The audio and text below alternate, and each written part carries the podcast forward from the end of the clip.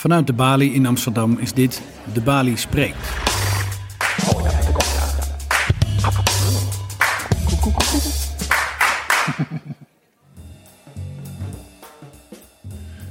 In De Bali Spreekt gaan redacteuren van De Bali op zoek naar drijfveren in het leven en het werk van publieke personen.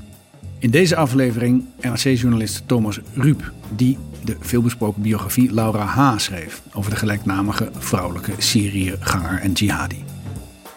In het boek volgt Rup het levensverhaal van Laura H., die in 2015 met echtgenoot Ibrahim en haar twee kinderen afreisde naar de Islamitische Staat en daar een jaar later alweer spijt van had. Programmamaker Tim Wagemakers spreekt met Thomas Rup over zijn werk. Hoe check je een verhaal dat duizenden kilometers verder plaatsvond? Welke verantwoordelijkheid heb je als journalist ten opzichte van je materiaal? En wat doe je als je als journalist opeens het verhaal van je leven in je schoot geworpen krijgt? Tim Wagemakers in gesprek met Thomas Rup. Thomas, welkom. Dankjewel. Je hebt een prachtig boek geschreven, uh, Laura H., dat um, als, op het moment dat dit uitkomt, bijna twee weken geleden is uitgekomen. Als je het boek zou moeten omschrijven, gewoon even, want we gaan niet het hele boek, het is meer dan 500 pagina's, maar als je het kort zou moeten omschrijven, waar gaat het boek over? Ja, het is eigenlijk een van de eerste echte ooggetuigenverslagen uit het kalifaat. Uh, Laura H. is uh, een Syriëganger geweest, uh, een van de Nederlanders die die kant op is, op, is toegereisd.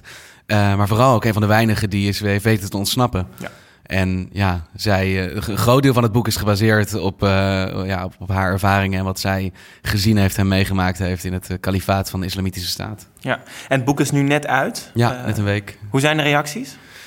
Ja, vooralsnog, uh, vooralsnog goed. Ik ben, uh, ben heel blij. En uh, met name dat eerste weekend, omdat het eigenlijk voor het eerst is dat zij haar verhaal doet. En ze is natuurlijk de bekendste Syriëganger van ons land. Haar zaken is non-stop in het nieuws geweest. Um, ja, het is nu voor het eerst dat we haar kant van het verhaal horen. Ja. Wisten, ik hoor het al langer. Maar... Ja, ja, het, ja, het is een waanzinnig verhaal. Het, het, het, gaat over een meisje dat opgroeit in Zoetermeer en daar al van alles meemaakt. Hè. Ze, ze, ze wordt misbruikt, ja. uh, ze, heeft, ze wordt mishandeld, ze ontmoet foute vriendjes. Uh, ja. Uiteindelijk ontmoet ze een man, Ibrahim, ja. uh, waar ze mee naar het kalifaat gaat. Eigenlijk om te ontvluchten aan alle dingen die haar in Nederland belemmeren. Jeugdzorg die haar kinderen misschien wel afpakken. Uh, en uiteindelijk uh, gaat ze naar het kalifaat en komt ze terug.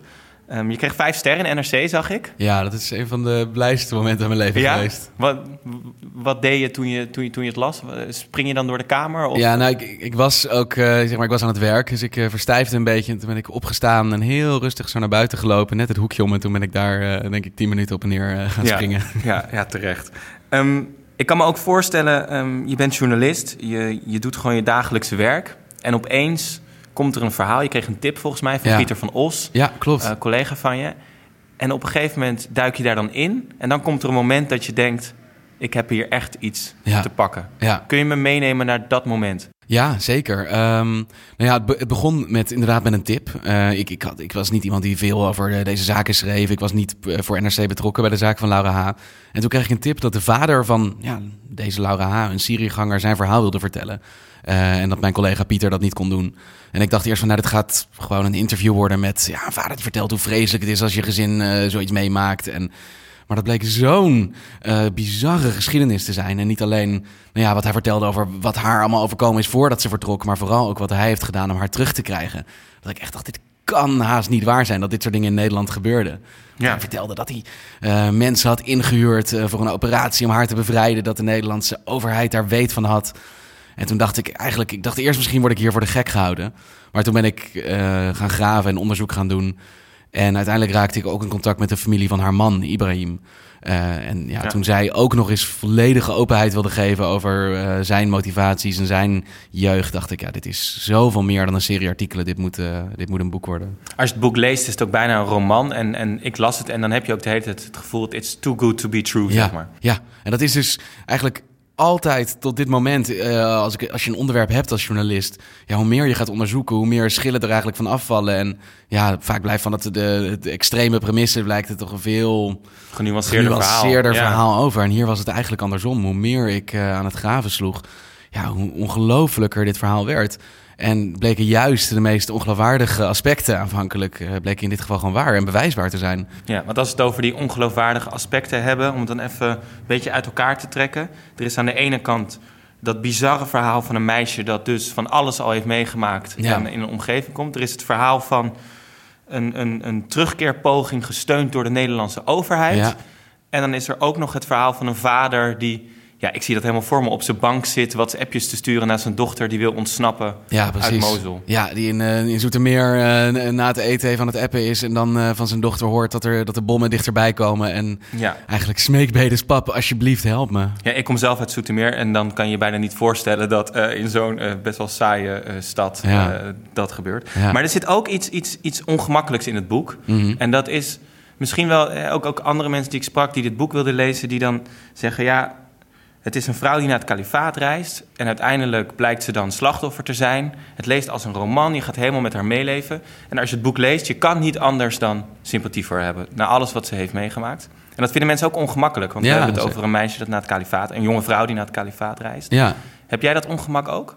Ja, nou, ik, ik, kan, ik kan me dat wel voorstellen. En dat is ook een van de redenen dat ik een vrij harde keuze heb gemaakt om haar niet um, sprekend op te voeren. Dus ik interview haar niet in dit boek, zeg maar. Ik laat haar niet reflecteren op, uh, op die tijd en hoe ze, of ze zichzelf als slachtoffer of als dader of alles wat er tussenin kan zitten ziet. Ja. Uh, maar ik wilde eigenlijk juist Um, echt reconstrueren, scène voor scène, wat er, wat er allemaal vooraf gegaan is.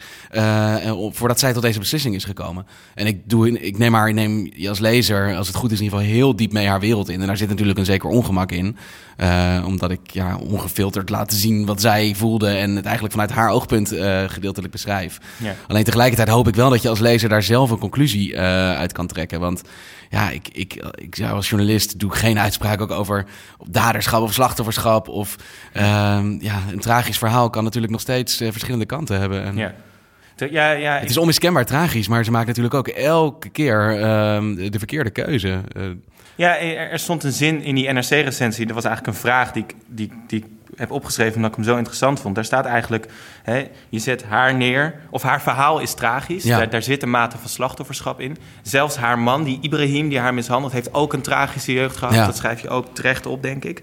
Maar in, in die recensie stond, als iedereen slachtoffer is, kun je dan nog iemand ergens de schuld van geven? Hè? Dat, daar, daar, zit die schuldvraag ook in. Ja, precies. En ik vind dat een ontzettend interessante vraag. En ik heb juist ook heel erg mijn best gedaan die niet te beantwoorden.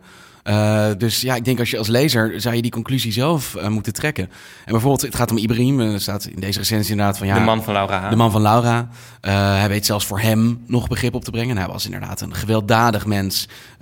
ook een hele ander idee had hij van wat ze in dat kalifaat zouden gaan doen dan zij bijvoorbeeld had. Um, maar ja, tegelijk door, door zijn jeugd te beschrijven wil ik niet hem de verantwoordelijkheid ontnemen dat, dat je hem niet verantwoordelijk voor zijn daden kan houden. Ja. En als journalist, want jij schrijft dit verhaal op, ik kan me voorstellen, tenminste, ik ken dat gevoel wel. Je bent aan het zoeken, je bent aan het zoeken, je bent aan het zoeken. En er komt steeds meer wat je kan onderzoeken. Je kan steeds meer paden in. En vooral met zo'n verhaal dat uh, nou ja, zo goed gecheckt ook moet worden, dat heb je ook gedaan. Wanneer was het moment dat jij dacht, nu heb ik het te pakken, nu kan ik nu kan ik, nu kan ik ermee gaan schrijven. Eigenlijk het moment dat ik in Irak, uh, in Irak was. Want het ongemakkelijkste wat je als je journalist... bent er achterna gereisd. Ja, precies. En de, reden is eigenlijk heel simpel. Het ongemakkelijkste wat je als journalist kan hebben... is dat je heel veel moet baseren op één bron. En onherroepelijk uh, ja, kwam ik daarop uit. Omdat niemand, er eigenlijk niemand is die haar ervaringen in dat kalifaat kan, uh, kan ontkrachten of staven. Um, en ja, alle controverse, of de grootste controverse rond deze zaak, uh, heeft altijd gedraaid op de manier waarop zij terug wist te komen. En daar vertelde zij een ongelooflijk explosief verhaal over. Uh, dusdanig bizar eigenlijk dat justitie al vrij snel zei van wij denken dat hier iets heel anders speelt. Want zij zegt dat ze ontsnapt is. Uh, ja. Neem me even mee kort naar haar reis. Hoe, hoe, hoe zij daar weg is gekomen. Ja, nou ja, hoe Nederland haar heeft leren kennen... Uh, is een televisieinterview. Ineens was ze op alle journaals. En daar zagen we een meisje dat zich voorstelde als Laura uit Sweet Lake City. Wat dus Zoetermeer bleek te zijn. En zij zei, uh, ik ben gevlucht uit het kalifaat. We zijn beschoten, de kogels vlogen ons om de oren. Mijn man is gewond achtergebleven. Ja, en ze vertelde eigenlijk een soort filmscène. Um, terwijl je denkt als eerste, ja, werkelijk leven gaan dingen niet zo. Is het niet zo dat het meisje met de twee kinderen uh, de ontsnapping overleeft en uh, de man, de jihadist, achterblijft? En ik zat daar ook mee in mijn maag, dat ik toch dacht: van, ja, ik kan dit niet alleen uh, uit haar mond optekenen. En toen heb ik besloten om naar Irak te reizen. naar Mosul, de plek waar zij gewoond heeft. En ook naar de frontlinie tussen Iraks Koerdistan en wat destijds het kalifaat was. Om toch ooggetuigen te vinden die mij ja, konden vertellen uh, wat zij uh, gezien Zoals hebben. Zoals de Koerdische generaal die precies. haar eigenlijk van de, van de weg daar geplukt heeft. Ja, precies. En, na, ja, en na, na zoeken tot mijn grote uh, nou ja, journalistieke vreugde in ieder geval... wist ik iemand te vinden die daarbij was die ochtend dat ze ontsnapte. En die mij kon zeggen, het is inderdaad zo dat zij daar met een auto kwamen aanrijden. Dat ze midden in een vuurgevecht terecht zijn gekomen. Dat de man daar is achtergebleven. En dat is, je vroeg wat is nou het moment dat je dacht, nu kan je het opschrijven. Ja, dat was dat moment. Ik had gewoon ja. bewijs nu meer dan alleen haar verklaring dat ja. ja. die dingen echt zo gegaan zijn als zij uh, heeft verteld op die dag. En toen zij daarna in Nederland kwam, toen was het verhaal natuurlijk vanuit het OM, is dat een tijd lang gedaan dat er angst was dat zij misschien hier terug zou komen om een aanslag te beramen, dat haar verhaal niet klopte. Ja. Heb jij na al die onderzoeken die je gedaan hebt nog 1% twijfel dat zij misschien jou om de tuin heeft geleid? Nee, er is, geen, er is daar geen aanwijzing voor. En ook het OM heeft inmiddels uh, ook gezegd dat zij geen reden zien om dit nog aan te nemen. Waar twijfelde je het meest over gedurende het verhaal? Aan wat zij vertelde? Nou, gewoon, er zitten een aantal dingen in. Er is haar verhaal, er is dat terugkeerverhaal, die soort ja. clandestine operatie ja. die, waar Nederland erbij betrokken is. Ja. Is er iets waarvan jij dacht, ja, dit, ik bedoel, het verhaal is al zo ongelooflijk, maar dit is echt, ik, ik, ik, ik, ik weet het niet. Ja, nou, er zijn twee dingen die me heel erg hebben wakker gehouden. En eentje is uh, het lot van Ibrahim. Dus nou ja, haar man die daar gewond is achtergebleven. En we hebben al twee jaar eigenlijk niks van hem gehoord. En daar gaan heel veel geruchten over. Uh, dus daar heb ik... Je weet het nog steeds niet? Ik weet het nog steeds niet. En ik heb wel getwijfeld van, kan ik dit... Moet ik wachten tot ik hier meer zekerheid over heb? Uh, en ik, heb, ik was bezig met een tweede trip naar, naar Irak en naar Bagdad te plannen... om daar geruchten uit te pluizen dat hij misschien daar in een cel zou zitten... met andere IS-strijders. En uiteindelijk heb ik toch moeten zeggen van, nou, dit, dit, ik ga hier niet meer, uh, niet meer achter komen. Uh, dus die twijfel heb ik voor mezelf eventjes ja. uh, in de ijskast moeten zetten. Ja, ja en de andere was... hoe, haar vader heeft dus 10.000 euro betaald voor een ontsnapping. Wat heeft zich daar allemaal afgespeeld? Wie zijn daarbij betrokken geweest? Wie had hier kennis van? Uh, ja, en dat is de andere grote twijfel die ik uh, tijdens het schrijven van dit boek heb gehad. En dat is natuurlijk ook het politiek spannende. Maar ik heb dat eigenlijk nergens op de voor. Heb, heb ik het gemist? Is dat groot nieuws geworden? Want aan de ene kant heb je de, de, de regering die zegt: wij helpen niet mm -hmm. Syrië-strijders om terug te keren. Rutte die letterlijk zegt: ik heb liever dat ze daar omkomen dan dat ze weer terug naar Nederland komen. Ja. En aan de andere kant beschrijf jij hoe toch via een steunpunt dat wel gelieerd is aan de overheid, maar een beetje onafhankelijk is, Nederland pogingen heeft gedaan. Of in ieder geval heeft geholpen om mensen terug te krijgen. Ja. Dat is politiek natuurlijk heel gevoelig. Ja, en het is inderdaad zo dat dat helemaal niet zoveel uh, onderwerp van gesprek was. En ik denk een beetje dat het overschaduwd is door het feit dat ja, Laura nu voor het eerst uh, haar verhaal vertelt. Maar ja, dat is een hele bizarre geschiedenis. Want het is zo dat uh, Jen aanvankelijk, net als alle ouders met kinderen in het strijdgebied... Ja. ja haar vader uh, Botving, toen hij hulp vroeg aan de overheid... Uh, toen Laura eenmaal aangaf van ik wil heel graag terugkomen en help me. Ehm, maar toen bleek er dit familiesteunpunt te zijn. Dus een stichting die ja, formeel geen onderdeel van de overheid is... maar wel gefinancierd wordt door de NCTV, dus de Nationaal Coördinator Terrorismebestrijding... Ja, en die hebben wel voor hem een plan in gang gezet... wat uiteindelijk um, ja, toch tot haar terugkeer heeft geleid. Ja. Dus ja. het is zo dat bij hem, ja, of het nou overheid is of niet, hij heeft vanuit Nederland uh, steun gehad om haar terug te krijgen. En is er ook nog zo'n man, die, die, die Daniel Keuler, dat Ja. is de, die zit in Duitsland en die is dan de speel in het web rond een aantal Ja, um, mensen die ook, ook van andere vaders van Ja. eh, eh, vrouwen die naar het kalifaat zijn gegaan, die dan hulp kan bieden of een netwerk zegt te hebben. En dat is natuurlijk, toen ik hem las, ik, ik dacht, oh, oh, Thomas Rupp, waar ben je in terecht gekomen? Want opeens zit jij in een soort contra-spionage, Ja. eh, James Bond-achtige setting. ja, ik had hetzelfde. Want Eugène vertelde dit, dus de vader van Laura. En ik dacht, ja, volgens mij heeft... Ik, ik dacht, de kans bestaat gewoon dat hij dit uh, toch een beetje aan het fantaseren is... of aan het opblazen is. En toen had ik deze Duitser, deze Daniel Keuler, zelf aan de lijn. En dat, dit is dus de man waarvanuit dat familiesteunpunt wordt doorverwezen... van, nou ja, hij kan misschien helpen om je kind terug te krijgen. Ja, en de krachttermen vlogen me om de oren, weet je. Former Special Forces, Ja, ja, ja. On the Ground, Troop Movement. Dat ik ook echt dacht van, waar ben ik, waar ben ik in terechtgekomen? Maar ja, ik ben dan toch dieper gaan graven. En uiteindelijk bleek dat deze Duitser toch een verhaal vertelt... wat misschien niet helemaal strookt met de werkelijkheid. Dat hij ja, zijn capaciteit en ervaring met terugkeeracties... en operaties in het Midden-Oosten eigenlijk wel heel erg overdreven heeft. Want maar bleek... hoe, hoe verklaar je hem dan? Wat, wat, wat denk je? Ik bedoel, ik las hem in eerste instantie in het begin van het boek. Zet je dat ook goed neer, dan lijkt het alsof hij iemand is die echt enorme verstand van zaken heeft. Eigenlijk een soort oliemannetje, zoals je ook in films ziet. Hè, die Ja. dan, eh, en uiteindelijk lijkt het erop alsof hij ja, toch ook wat minder expertise heeft dan hij zegt. Ja. Maar hoe verklaar jij dat hij wat denk je dat hem Ben je daar achter gekomen wie hij is en wat hij wil? Nee, dat, is, dat blijft me heel lastig. Want hij heeft dat ene gesprek met mij gehad. Waarin hij dit, is dit enorm spectaculair verhaal vertelde over zijn ervaringen. Hij beschreef zich als een makelaar tussen uh, oud-militairen in het strijdgebied. En, ja, en die dan in auto's Laura Hader uit zouden trekken. En hij zou dit soort operaties uh, nou, wekelijkse basis uitvoeren. En ja, na dat interview met mij is hij enigszins ontmaskerd in Duitsland. Der Spiegel heeft een, uh, een gerenommeerd blad, heeft een soort exposé over hem geschreven. En sindsdien zwijgt hij in alle toonaarden. Ja. En ik ben dat geld gaan volgen eigenlijk. Want deze Duitser heeft dus Eugène gevraagd 10.000 euro over te maken. Ja, en wat blijkt nou? Deze Duitser heeft contact gezocht met een andere Duitser. Die contact gezocht heeft met een Brit. Die weer met een andere Brit is gaan praten. En er zitten eigenlijk enorm veel mensen tussen. voordat je uh, überhaupt bij iemand in het Midden-Oosten terechtkomt. Dus er lijkt weinig bewijs meer over dat hij inderdaad. Hmm. Uh, nou ja, hele spannende connecties in het Midden-Oosten heeft. En dat bleek ook toen ik zelf in Irak was. En dus ja, met die Koerden naar de exacte plek ben gegaan waar zij is opgedoken. Die zeiden ook, ja, we wisten helemaal niet dat er zo'n operatie aan de gang was. Wij hadden daar geen kennis van. En ja, de instructies die zij die dag gekregen heeft via deze Duitser, die waren eigenlijk praktisch onuitvoerbaar. Dus het lijkt helemaal niet zo te danken aan zijn expertise dat zij is weten terug te komen. Maar eigenlijk meer toch ja, dom geluk. Wat heeft het voor jou als journalist? Want jij was niet, hè, dit, is, dit is je in de schoot geworpen. Even, ja, uh, ja, ze voelde het wel. Uh, het is niet jouw onderwerp in principe. Was het niet, nee. Waar schreef jij toen normaal over? Nou, veel, veel politie, justitie, maar bijvoorbeeld ja. etnisch profileren bij de politie was een dossier waar ik veel in zat.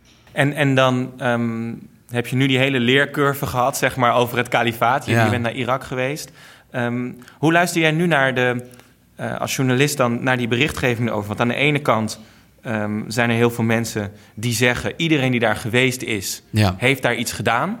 Ja. Ik bedoel, het kan niet. Ik kan me niet voorstellen dat ook de vrouwen die naartoe, die komen allemaal terug. Die houden verhalen van: ik heb er alleen maar schoongemaakt. Of mannen die terugkomen die zeggen: ik was dokter. Ja, ja. En daar geloven we niks van, want we weten als je daar was, dan wist je wat er gebeurde en dan hebben we het gedaan. Dat zeggen mensen. Ja. Nou ja, en de rechter heeft ook gezegd, um, dat was natuurlijk uiteindelijk Laura's vonnis. Uh, ze zagen haar niet als lid van de IS, maar ze zeiden wel gewoon puur het feit dat je je daar vestigt, ja, dat draagt al bij aan de doelstellingen van het kalifaat. Dus wat dat betreft is dat inderdaad zo. En als ik Laura zo begrijp, ja, het, is onmogelijk om in dat gebied te wonen uh, in die tijd en niet op een of andere manier te merken dat je in een oorlogssituatie zit en dat je op een hele duistere plek bent beland. Um, dus ja, als jij daar drie jaar uh, vol overtuiging hebt gewoond en daarna spijt krijgt, ja, dat is heel lastig. Ja. En ik denk voor haar dossier is het natuurlijk uiteindelijk heel belangrijk geweest dat je ziet dat zij al na nou ja, een paar weken daar uh, uh, aan de bel trok en zei: ik, ik, moet hier weg. Je hebt heel lang met haar gesproken, ook over haar leven in het kalifaat, maar ook over haar persoonlijk. Ja. Is er iets waarvan je denkt: daar ben ik nog niet terecht gekomen bij haar? Daar ben ik nog zo nieuwsgierig naar, maar daar houdt ze me buiten. Nee, eigenlijk niet. Nee, ja, je weet natuurlijk nooit wat je niet weet. Maar uh, we hebben van tevoren afgesproken. Jij gaat alles vertellen en ik ga alles opschrijven. Ja, en volgens mij heeft ze daar, zich daar ook uh, wel echt aan gehouden. Ik heb niet één moment, en ik heb denk ik ja, ongeveer 150 uur met haar uh, aan interviews. Niet één moment gehad dat ze zei van nou, hier wil ik het niet over hebben. Of, uh, of waarvan ik het gevoel heb, ze draait eromheen. Of waar ik haar heb kunnen betrappen op inconsistenties. Ze is extreem open. En dat merk je ook in deze tijd. Ik bedoel, er is natuurlijk zoveel publiciteit. Mensen lezen nou, de meest intiemste, de, de meest intieme details natuurlijk ook over haar jeugd. En nou ja, het seksuele uh, gedonder wat zij had als uh, jonge puber. Wat ook gestaafd wordt met rapporten ja, en zeker. Ja. Maar daar, ja, dat, daar heeft ze geen moeite mee. Uh, Ze is heel open wat dat betreft. Is het uiteindelijk ook als journalist een, een, op een gegeven moment een kwestie van vertrouwen? Nou ja, je, je, kan, je, je, kan, je, je, moet je uiterste best doen om alles wat je kan staven uh, te staven. Alleen hier ontkom je er niet aan dat ja, bij een gedeelte hiervan is dat, is dat gewoon onmogelijk gebleken. En het is bijna nog dat het me verbaasd heeft hoeveel er nog wel te controleren was. En een groot deel daarvan is ook niet in het boek beland.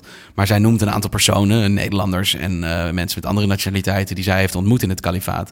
En ik heb toch best nog een behoorlijk gedeelte daarvan ook weten te traceren. Ja. Dus ik heb ook nog contact gehad met een uh, Kosovaarse die met, uh, met haar in het kalifaat gezeten heeft. En die ja, toch ook wel wat dingetjes kon weer kon bevestigen. Ja. Uh, maar ja, natuurlijk is het zo dat niet elke minuut van haar herinnering te controleren is gebleken. Dus ja, maar uiteindelijk heb ik, ik heb geen aanleidingen gevonden. En het OM uiteindelijk ook niet. Waardoor ik heb gedacht van ja, maar wacht eventjes. Hier, uh, hier zitten twijfels of hier verdraait ze, verdraait ze iets.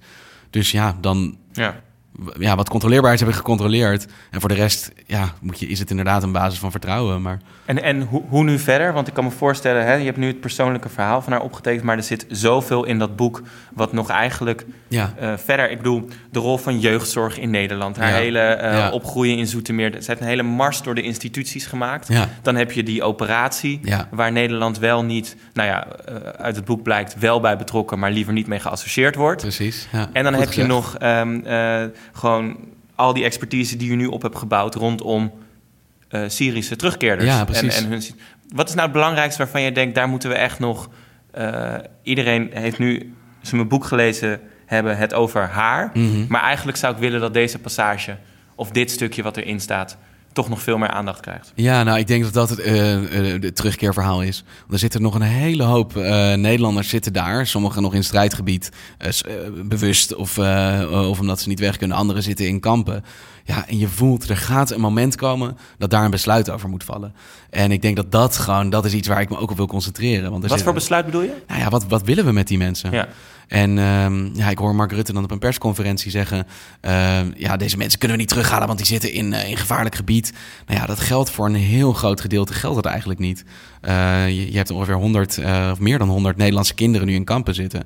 En die zijn prima bereikbaar. Ik bedoel, als Sinan Chan daar met een cameraploeg van de VPRO kan komen... dan kan de Nederlandse overheid dat ook. En je merkt eigenlijk dat, vergeleken ook met andere landen... dat het nog niet echt tot debat heeft geleid. Er moet hier een keuze over vallen.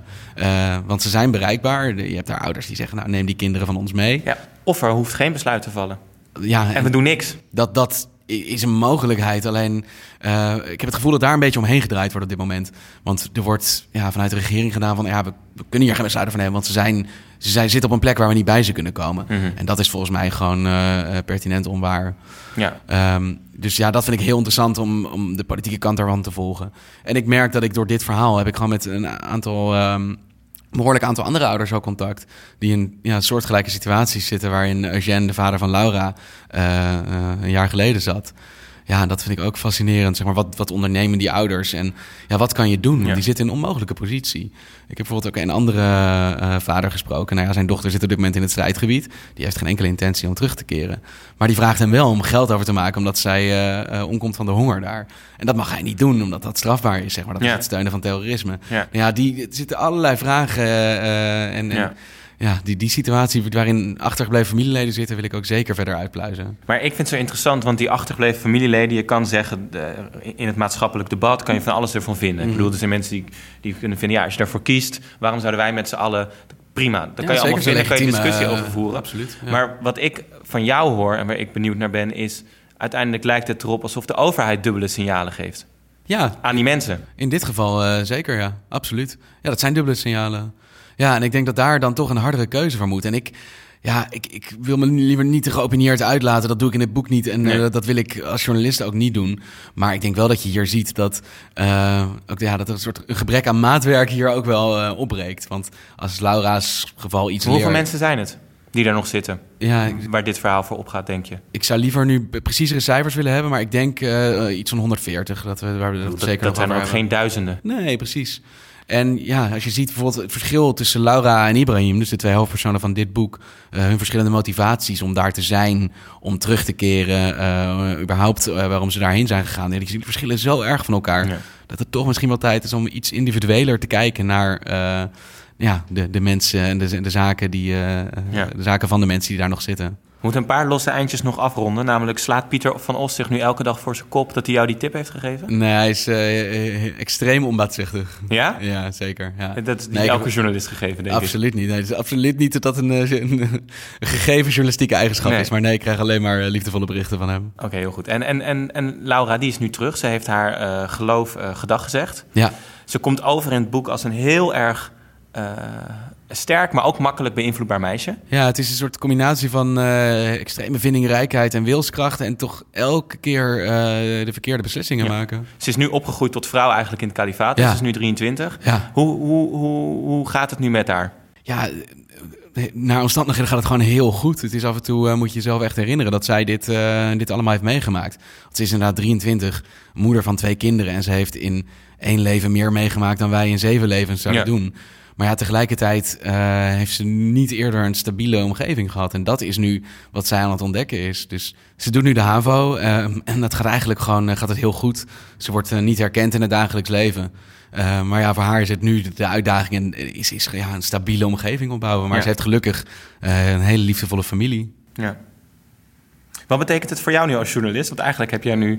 Ja, ik hoop voor je dat je nog zo'n verhaal tegenkomt. Ja, ik, ik, ja, ik vraag me af of dat nog gaat gebeuren. Want het is echt... Dit, nou, elk element hierin wat ik ben tegengekomen is gewoon zo uh, ongelooflijk gebleken... dat ik denk niet dat dat me nog een keer gaat gebeuren. En hoe ga, je nu, hoe ga jij nu verder? Uh, nou, is dit verhaal nog te vervolgen? Ja, wat in ieder geval moet gebeuren, en dat heb ik ook de zussen van Ibrahim beloofd, is ik, uh, ik, ik moet zijn lot achterhalen. Ja. Um, en ja, dat, dat, ik, ik, ik, weet je, ik, ik ken deze, deze man, uh, of deze jongen, weet je, hij is ongeveer mijn leeftijd. Uh, eigenlijk op een bepaalde manier ken ik hem. Ik heb schoolrapporten van hem van vroeger. Ik heb tekeningen die hij als kind heeft gemaakt. Uh, ik heb de liefdesbrieven die hij kreeg in de jeugdgevangenis. Ik heb zoveel uren met familie en vrienden van hem gesproken. Ja, en we weten niet wat met hem, met hem gebeurd is. Of hij leeft, mogelijk ergens in, in een Iraakse cel in Bagdad zit. Dat hij nog in het strijdgebied is. Of dat hij ja, uh, inderdaad uh, zo gewond is geraakt bij die ontsnapping dat hij dood is gegaan. Ja. En ik vind het zelf onverdraaglijk. En het is voor zijn familie ook onverdraaglijk dat we dat niet weten. Dus ja. Ik, ja, ik wil zeer binnenkort toch die kant weer op om, uh, ja, om te kijken wat ik toch boven water kan halen nog. En is Laura daar ook benieuwd naar? Of ja. wil die het liever afsluiten? Nou, Laura wil dat liever afsluiten. Ja, ja. ja ik, zij, ja, het is voor haar natuurlijk wel een angst dat hij op een of andere manier nog een rol in haar leven gaat, gaat spelen. Maar ja, ik kan als journalist zo'n nee. open eind als dit kan ik niet laten rusten. Wat is nou het belangrijkste tot slot dat jij als journalist dan geleerd hebt? Want eigenlijk heb jij ook een enorme leercurve gemaakt, denk ik. Ja. Je deed al jaren je werk hoor, maar zo'n verhaal. Nou ja, het, het, is met name dat je... Um, je leest in de krant, ontstaat zoiets als typische gevallen, zeg maar. Dus je, je, je ziet al die namen met, een, met, met één letter en dan lees je over probleemgezin. Eh, lees je over het goedmaken van jeugdzonde. En ja, uh, om, om dat van dichtbij te zien, zeg maar, hoe uh, een, een, leven kan lopen... waarin al die afslagen uiteindelijk naar deze uitkomst hebben geleid. Ja, dat is voor mij enorm leerzaam geweest. Want ik, ik, ik kende deze levens niet, eigenlijk. Ja. Nou, ik vond het echt een fantastisch boek. Ik vond ook een prettig oog voor detail, want bij ons thuis noemen we het ook altijd Sweet Lake City. Dus als, eh, volgens mij twijfelde de OM eraan of ze een grapje maakte. Ja, dat maar zei de rechter uh, tegen haar van, uh, zo mevrouw H, uh, u heeft deze hele ontsnapping overleefd en u maakt op televisie nog een grapje. Ja, nee, dat zeggen mensen. De, ja. Dus wat ik kon controleren aan je boek... mijn vader altijd, ja, ja. Hoe, zeg maar, hoe ze Zoetermeer noemen en hoe het Stedelijk College eruit ziet, dat klopt allemaal. Gelukkig. Um, dus dat, daar kan ik je dan nog bij helpen. En dank voor je mooie boek en heel, heel, veel succes de komende tijd met ook het genieten van de reacties erop. Dankjewel. Nooit meer een aflevering van de Bali Spreekt missen? Abonneer je dan nu op de Bali Spreekt in je favoriete podcast-app. Of kom naar één van de dagelijkse programma's in de Bali. Programma en kaarten op www.debali.nl.